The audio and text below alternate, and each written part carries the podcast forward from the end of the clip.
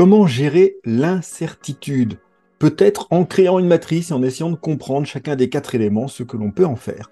Bienvenue, vous êtes sur J'ai pas le temps pour ça, le podcast proposé par Eric Boucher, où je vous partage des trucs, des astuces, des méthodes, des outils pour être plus efficace au quotidien et terminer la journée plus tranquillement. De quoi parlons-nous aujourd'hui? Nous parlons de la matrice d'incertitude proposée sur le blog Frontera. Que nous dit cette matrice En fait, il identifie quatre types de connus inconnus. Ceux qui connaissent aussi les étapes d'apprentissage, on n'est pas si loin du compétent inconscient, etc. avec ces connus inconnus. Mais vous allez voir, ça nous permet de définir justement ce que nous savons, ce que nous ne savons pas. On va distinguer les connus connus. Vous savez, connaissez quelque chose et vous savez que vous le connaissez. Un produit que vous vendez et vous savez qu'il y a de la demande, on est tranquille. Nous avons ensuite les connus inconnus une connaissance qui pourrait être cachée. Vous savez comment faire des choses, mais vous savez plus forcément euh, comment vous le faisiez.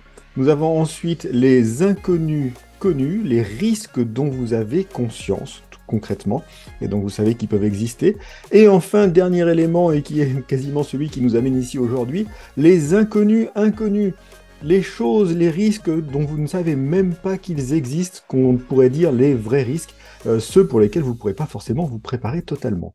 Alors, que nous propose cette matrice À quoi ça va nous servir Vous voyez qu'il y a des textes sur chacun des éléments.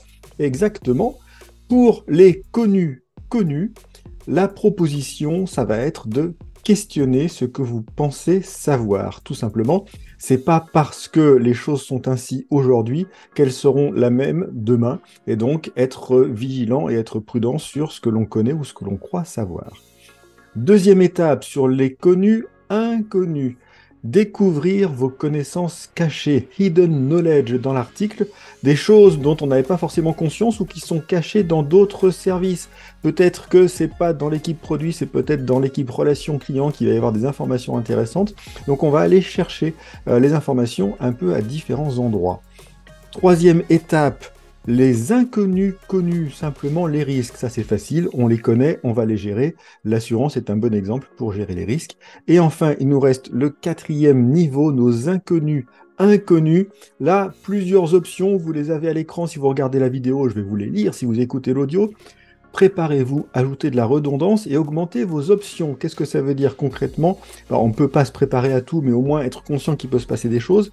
La redondance, c'est-à-dire avoir plusieurs possibilités en cas de défaillance d'un des systèmes, et effectivement avoir plusieurs options pour être sûr de pouvoir rebondir régulièrement.